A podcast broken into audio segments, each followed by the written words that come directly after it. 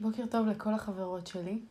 אני מקווה שישנתן uh, טוב בלילה, שהתמלאתן באנרגיות uh, טובות ליום החדש, שנהניתן מהשינה שלכן. אם אתן אימהות, אני מקווה שישנתן יותר משלוש שעות ברצף. ואם אתן עוד לא אימהות, אז אני מקווה שאתן מעריכות מאוד את השעות שינה שלכן, כי אני לא הערכתי אותן מספיק לפני שאדם הגיע וחטף לי אותן בעורמה. היום אני הולכת לדבר איתכן על uh, נושא שנוגע בכולנו. זה אולי הקושי הגדול ביותר שלי בחיים מאז ומתמיד. וכשאני אומרת מאז ומתמיד אני מתכוונת למתי שבכלל אה, שמתי לב אליו. והוא נוכחות. הקושי הגדול ביותר בעולם הוא להיות נוכח תמיד ברגע הזה. בין אם זה כשאנחנו יושבות לאכול, ובין אם זה כשאנחנו נמצאות עם, אה, עם ה baby, ובין אם זה כשאנחנו אה, מטיילות. תמיד יש לנו צורך לעשות עוד דברים. בעולם של היום מקדשים multitasking. וככל שאני לומדת על זה יותר וחוקרת על זה יותר, אני מבינה ש multitasking זה לא ברכה כמו שזה נשמע. כשמישהי אומרת, אה, וואי, הספקתי היום ככה וככה וככה וככה וככה וככה, ועשיתי גם את זה וגם את זה וגם את זה וגם את זה וגם את זה, אנחנו כאילו אומרות, וואו, איזה הספק אדיר, כל הכבוד לך, איזה אלופה. אבל כשחושבים על זה רגע לעומק, לעשות כל כך הרבה דברים, במיוחד כשאנחנו עושות אותם במקביל, זה אומר שאנחנו אף פעם לא נעשה את המאה אחוז שלנו. פעם, אה, פעם, לפני איזה שנה וחצי הייתי בהרצאה עם, אה, עם חברה שלי, נוי, באיזשהו בר תל אביבי חשוך. הגענו ותפסנו את המקום שלנו שם עם עוד איזה עשרות...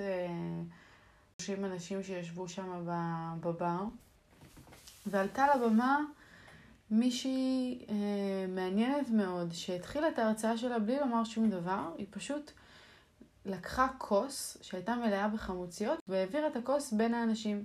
ביקשה מכל אחד לקחת חמוצית אחת ליד. כולנו סקרנים נורא לדעת אה, מה, על מה היא הולכת לדבר. זה היה ערב כזה שדיברו על כל מיני דברים, היו כל מיני מרצים. וככה התחילה את ההרצאה שלה. בשלב מסוים לכל אחד אה, הייתה חמוצית ביד, והיא ביקשה מאיתנו להסתכל על החמוצית. כולנו מסתכלים, מנסים להבין מה קורה פה, מה היא רוצה. מסתכלים, מריחים אותה, ביקשה להריח אותה, ובשלב מסוים היא ביקשה אה, לעצום את העיניים ולקחת ביס קטן מהחמוצית. עשינו את זה, לקחנו ביס קטן מהחמוצית, ואחרי זה המשכנו ללעוס, כולנו בעיניים עצומות, והיא נתנה לנו כמה רגעים להמשיך ולאכול אותה. עד שכל החמוצית הייתה בפה. ללעוס את זה לאט לאט, והיא שואלת אותנו כל מיני שאלות תוך כדי שאנחנו אוכלים את החמוצית. היא שואלת מה הטעם שלה, איך זה מרגיש, זה חמצמץ, זה מתוק, מה זה, כאילו לחשוב לעומק מה הדבר הזה שאנחנו אוכלים. והרעיון שלה, התרגיל שהיא עשתה, היה להבין כמה משמעות יש להתרכז ברגע הזה. זאת אומרת, כשאנחנו, כשאני הכנסתי את החמוצית הזאת לתוך הפה, ביום רגיל, אם היה לי איזה חופן ביד, פשוט הייתי זורקת את הכל לתוך הפה שלי ובולסת, יאללה, טעים, ממשיכה הלאה, מה אני עושה תוך כדי? אני קוראת איזה משהו, אני מדברת עם איזה מישהי. אבל כשהיה לי רק את זה לעשות, כשעצמתי עיניים, וכל מה שעשיתי היה להריח אותה, להרגיש את המרקם שלה, לטעום אותה, ללעוס אותה, לבלוע אותה. כל התהליך הזה גרם לי כאילו ליהנות ממנה הרבה יותר. וזה היה הפתח שלי לעולם הזה שנקרא מיינדפולנס. לימים למדתי, הלכתי ולמדתי מיינדפולנס בסדנה מאוד מעניינת שעברתי, וקראתי על זה המון בכל מיני דרכים שונות, הרבה קוראים לזה בשמות שונים ומתייחסים לזה באופנים שונים, אבל הרעיון הגדול והחשוב הוא איך אנחנו מצליחות להתרכז ברגע הזה. איך אני מצליחה לשבת, אה, לאכול קערת מרק וליהנות מהקערת מרק שלי. ליהנות מהירקות מכל ירק בנפרד, להרגיש שאני שבעה מזה, כי ביום יום כשאנחנו יושבים ואוכלים אנחנו עושים עוד המון דברים. אנחנו עם הטלפון ואנחנו רואים טלוויזיה תוך כדי. פעם היה לי איזה הרגל כזה שלא יכולתי לשבת לאכול צהריים מבלי להדליק טלוויזיה ולראות משהו ברקע. כאילו הייתי מחכה שהאוכל יתחמם, כבר מסדרת לעצמי את הטלוויזיה ואת הדברים. אני בטוחה שיש פה מלא נשים שמכירות את התחושה הזאת, כי... את התחושה וגם את הפעולה הזאת של הלחכות שהאוכל יצא מהמיקרו ולהכין את הכל, שיהיה מוכן, לשבת מול הטלוויזיה, להפעיל כבר את התוכנית, לראות כאילו, שיהיה משהו שיעסיק אותי. לא רק האוכל, שאני לא אבזבז את הזמן הזה. ואם אני יצאתי מהעבודה, אז זה לחשוב על עוד משהו, מה עוד אני צריכה להספיק. כי הרי אני יכולה לעשות עוד דברים בזמן שאני אוכלת. אבל לא באמת, כי אנחנו אף פעם לא יכולות לעשות שני דברים ולהיות מאה אחוז בדבר אחד. האוכל לא יהיה טעים באותה מידה אם אני אעשה עוד משהו חוץ מלהתרכז בו. והעניין הזה מלווה אותי בכל מיני תחומים שונים בחיים. אם הייתם תופסות אותי בתחילת הדבר הזה של ההורות, הייתם מגלות ש... שאני מעבירה ימים שלמים עם אדם, ואני מתבאסת על עצמי שאני לא מספיקה לעשות עוד דברים. כאילו, הערב מגיע ואני אומרת, fuck, לא הספקתי לעשות ככה, ולא הספקתי לעשות ככה, והבית מבולגן, ולא עשיתי כביסה, ולא עשיתי שום דבר בשביל למלא את עצמי רגע. פעילות גופנית, איזה לקרוא ספר, משהו לקדם את עצמי ברמת ה... לשבת לכתוב, לשבת... לשבת להעלות רעיונות עם עצמי, איך אני מתקדמת. כאילו תמיד הרגשתי שמה שאני עושה זה לא מספיק. וימים עברו, וחודש עבר, ועוד חודש עבר, וכאילו הרגשתי שמשהו, משהו כאילו, תביני שנייה, החיים שלך השתנו עכשיו, מה שהיה פעם לא נכון יותר לעכשיו, ותלמדי ליהנות מהדבר האמיתי, תלמדי ליהנות מהרגע. אדם לא יישאר תינוק לנצח, ומתי שהוא ילך לגן, ויהיה לך את כל הזמן שבעולם לעשות את כל מה שאת רוצה. אז למה לא ליהנות מהזמן הזה עכשיו? והדבר שעשיתי היה פשוט, היה קודם כל הצהרתי בפני עצמי, שאוקיי, קמתי בבוקר ואמרתי, היום אני הולכת ליהנות מכל מה שאני עושה, ולה, ולהקדיש לזה את מלוא תשומת הלב שלי. אז כשהייתי עם אדם, החלטתי שאני מתרכזת באדם. בזמן שהוא ער, אני איתו, אני פותחת את השטיח, ואנחנו יושבים ואני שמה אותו על השטיח ואני משחקת איתו ואני צוחקת איתו ואני נהנית איתו. ואני מצלמת אותו, אני מעמידה מצלמה ומתעדת את הרגעים האלה שהוא, שהוא שם ושהוא כזה תינוק מתוק. ואני נהנית מזה. וברגעים שהוא ישן, שאני שמה אותו לישון צהריים ושהוא ישן, אז אני נהנית גם מזה שהוא ישן, אני מתפנה לעשות דברים אחרים. אני מתפנה לעשייה שלי, אני מתפנה בין אם זה לעניינים של הבית ובין אם זה לעניינים שלי, ההתפתחותיים שלי. ואני שמה לב ש... ושמתי לב שכל פעם שאני עושה את זה, כל פעם שאני זוכרת לעשות את זה, כי בואו, בסופו של דבר, אה, דיבורים לחוד, מעשים לחוד, זה נורא קשה לתחזק את הדבר הזה באופן יומיומי, וזאת הסיבה שאני אומרת שזה אולי הדבר הקשה ביותר המשימה הקשה ביותר בחיים, לפחות שלי, להצליח ליהנות מהרגע הזה. אם אני יושבת להקליט פודקאסט, אני רוצה להיות מרוכזת בפודקאסט, אני רוצה להיות מרוכזת במסרים שיש לי להעביר, אני רוצה להיות גם ליהנות מזה. כאילו, וואלה, אני מעבירה יום שלם בעשייה, בכל מיני דברים וזה, ויש לי רגע אחד שאני יושבת ואני מקליטה, ואני מדברת, ואני מקדמת את עצמי. זאת הפעולה שלי לקדם את עצמי ולדחוף את עצמי קדימה. אז אני דואגת להזכיר לעצמי ליהנות מהרגע הזה. כשאני לא רעבה, כשהמוח שלי נקי ממחשבות, אדם ישן, מיכו בעניינים שלו, אני יושבת פה על בטן מלאה, רגועה לגמרי, אחרי מקלחת. ואני פנויה לעשות את הדבר הזה במלוא תשומת הלב. אז מה אני עושה כדי uh, לתחזק את הדבר הזה? מה אני עושה כדי לתחזק את המיינדפולנס הזה, את היכולת שלי להתרכז בדבר אחד? אני מתחילה ב... בלהודות שאני לא מושלמת, שאני עובדת על הדבר הזה.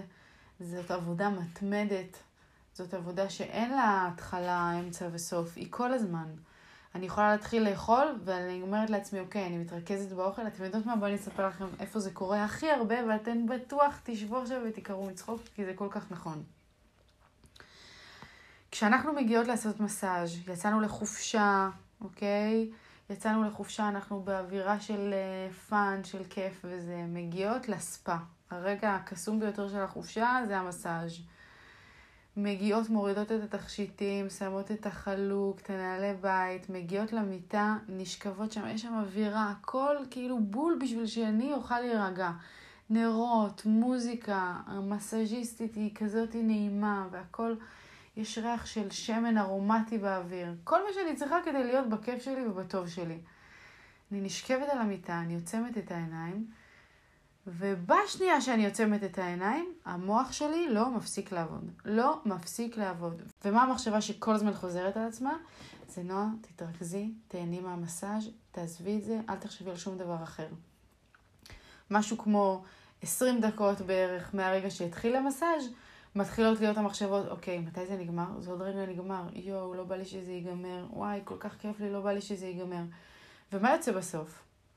ש-60 דקות של מסאז' עוברות במחשבות על אני לא רוצה שהמסאז' ייגמר, מתי זה הולך להיפסק, היא עוד רגע מסיימת, מה יש לי להספיק, מה קורה בבית, מה מיכו עושה, איך עובר עליו המסאז', מה המזג אוויר, מה עושים מחר, מה נעשה בערב, איפה נאכל, כאילו כל מה שיכול לחרב לי את ההנאה מהרגע הזה, הכל עובר לי ב-60 דקות. אז כמובן שאני משתפרת בדבר הזה מפעם לפעם, ואני יכולה להגיד שבפעם האחרונה שעשיתי מסאז' חגגתי יום הולדת שמיכו ואני נסענו לאיזה מלון, ובאמת השתדלתי. השתדלתי, ואני מאמינה שלפחות 50% צלחתי את זה. אני מרגישה שמסאז' זה אולי באמת המקום שזה הכי קשה ליישם. אבל כן, הצלחתי ב-50%. והצלחה של 50% בשבילי בדבר הזה היא 100%. כי שמתי לעצמי בראש שאני רוצה ליהנות מהרגע. ואני, ואני עושה את כל מה שאני יכולה, ואני לא כועסת על עצמי כשזה לא קורה, ואני לא אומרת, אוי fuck, כאילו איזה באסה, כל המסאז', כאילו הייתי עסוקה בדברים אחרים. אני משתדלת באופן כללי לא ללקוט את עצמי ולא לכעוס על עצמי כשדברים אה, לא מסתדרים לי כמו שהייתי רוצה. כשאני לא מצליחה להיות נוכחת ברגע הזה, הדבר הכי טוב שאני יכולה לעשות הוא פשוט להזכיר לעצמי במשימה הבאה שאני עושה, אוקיי, אז עכשיו אני אתחיל מההתחלה, משימה חדשה לגמרי, והפעם זה יהיה יותר טוב. הפעם אני אצליח יותר, אני אהיה יותר מרוכזת, אני יותר אהנה מהרגע הזה. דבר נוסף שאני עושה כדי לשמור את הנוכחות שלי, להצהיר.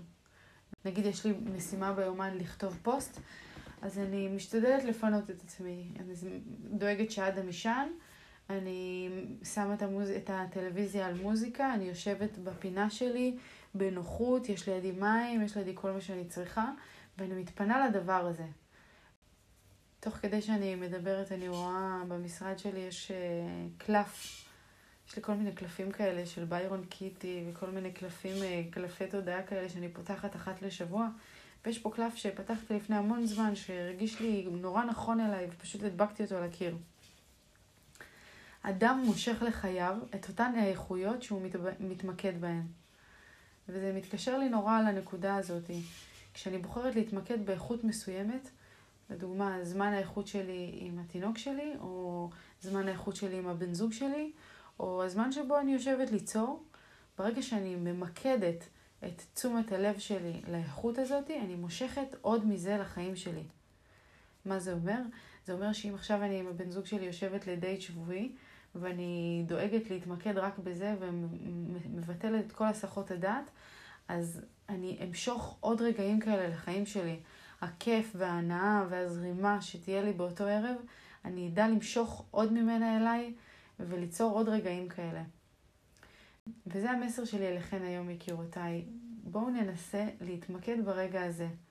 בואו נשים את זה פשוט בתודעה שלנו, נשים את זה בראש, נזכור לפחות ליום הזה, שמה שאנחנו עושות, אנחנו עושות בכוונה מלאה, בהתכוונות, אנחנו מקדשות את הרגע ואנחנו לומדות ליהנות מהדברים האלה, כי בסופו של דבר הימים רצים, השבועות עפים, החודשים, הכל רץ לנו ונגמר בין הידיים. מה יש לנו אם לא את הרגע הזה? שיהיה לכם בוקר מלא בהשראה, מלא ברגעים מיוחדים ששווה לזכור ולדבר עליהם. וזהו, אני אוהבת אתכם נורא. ביי.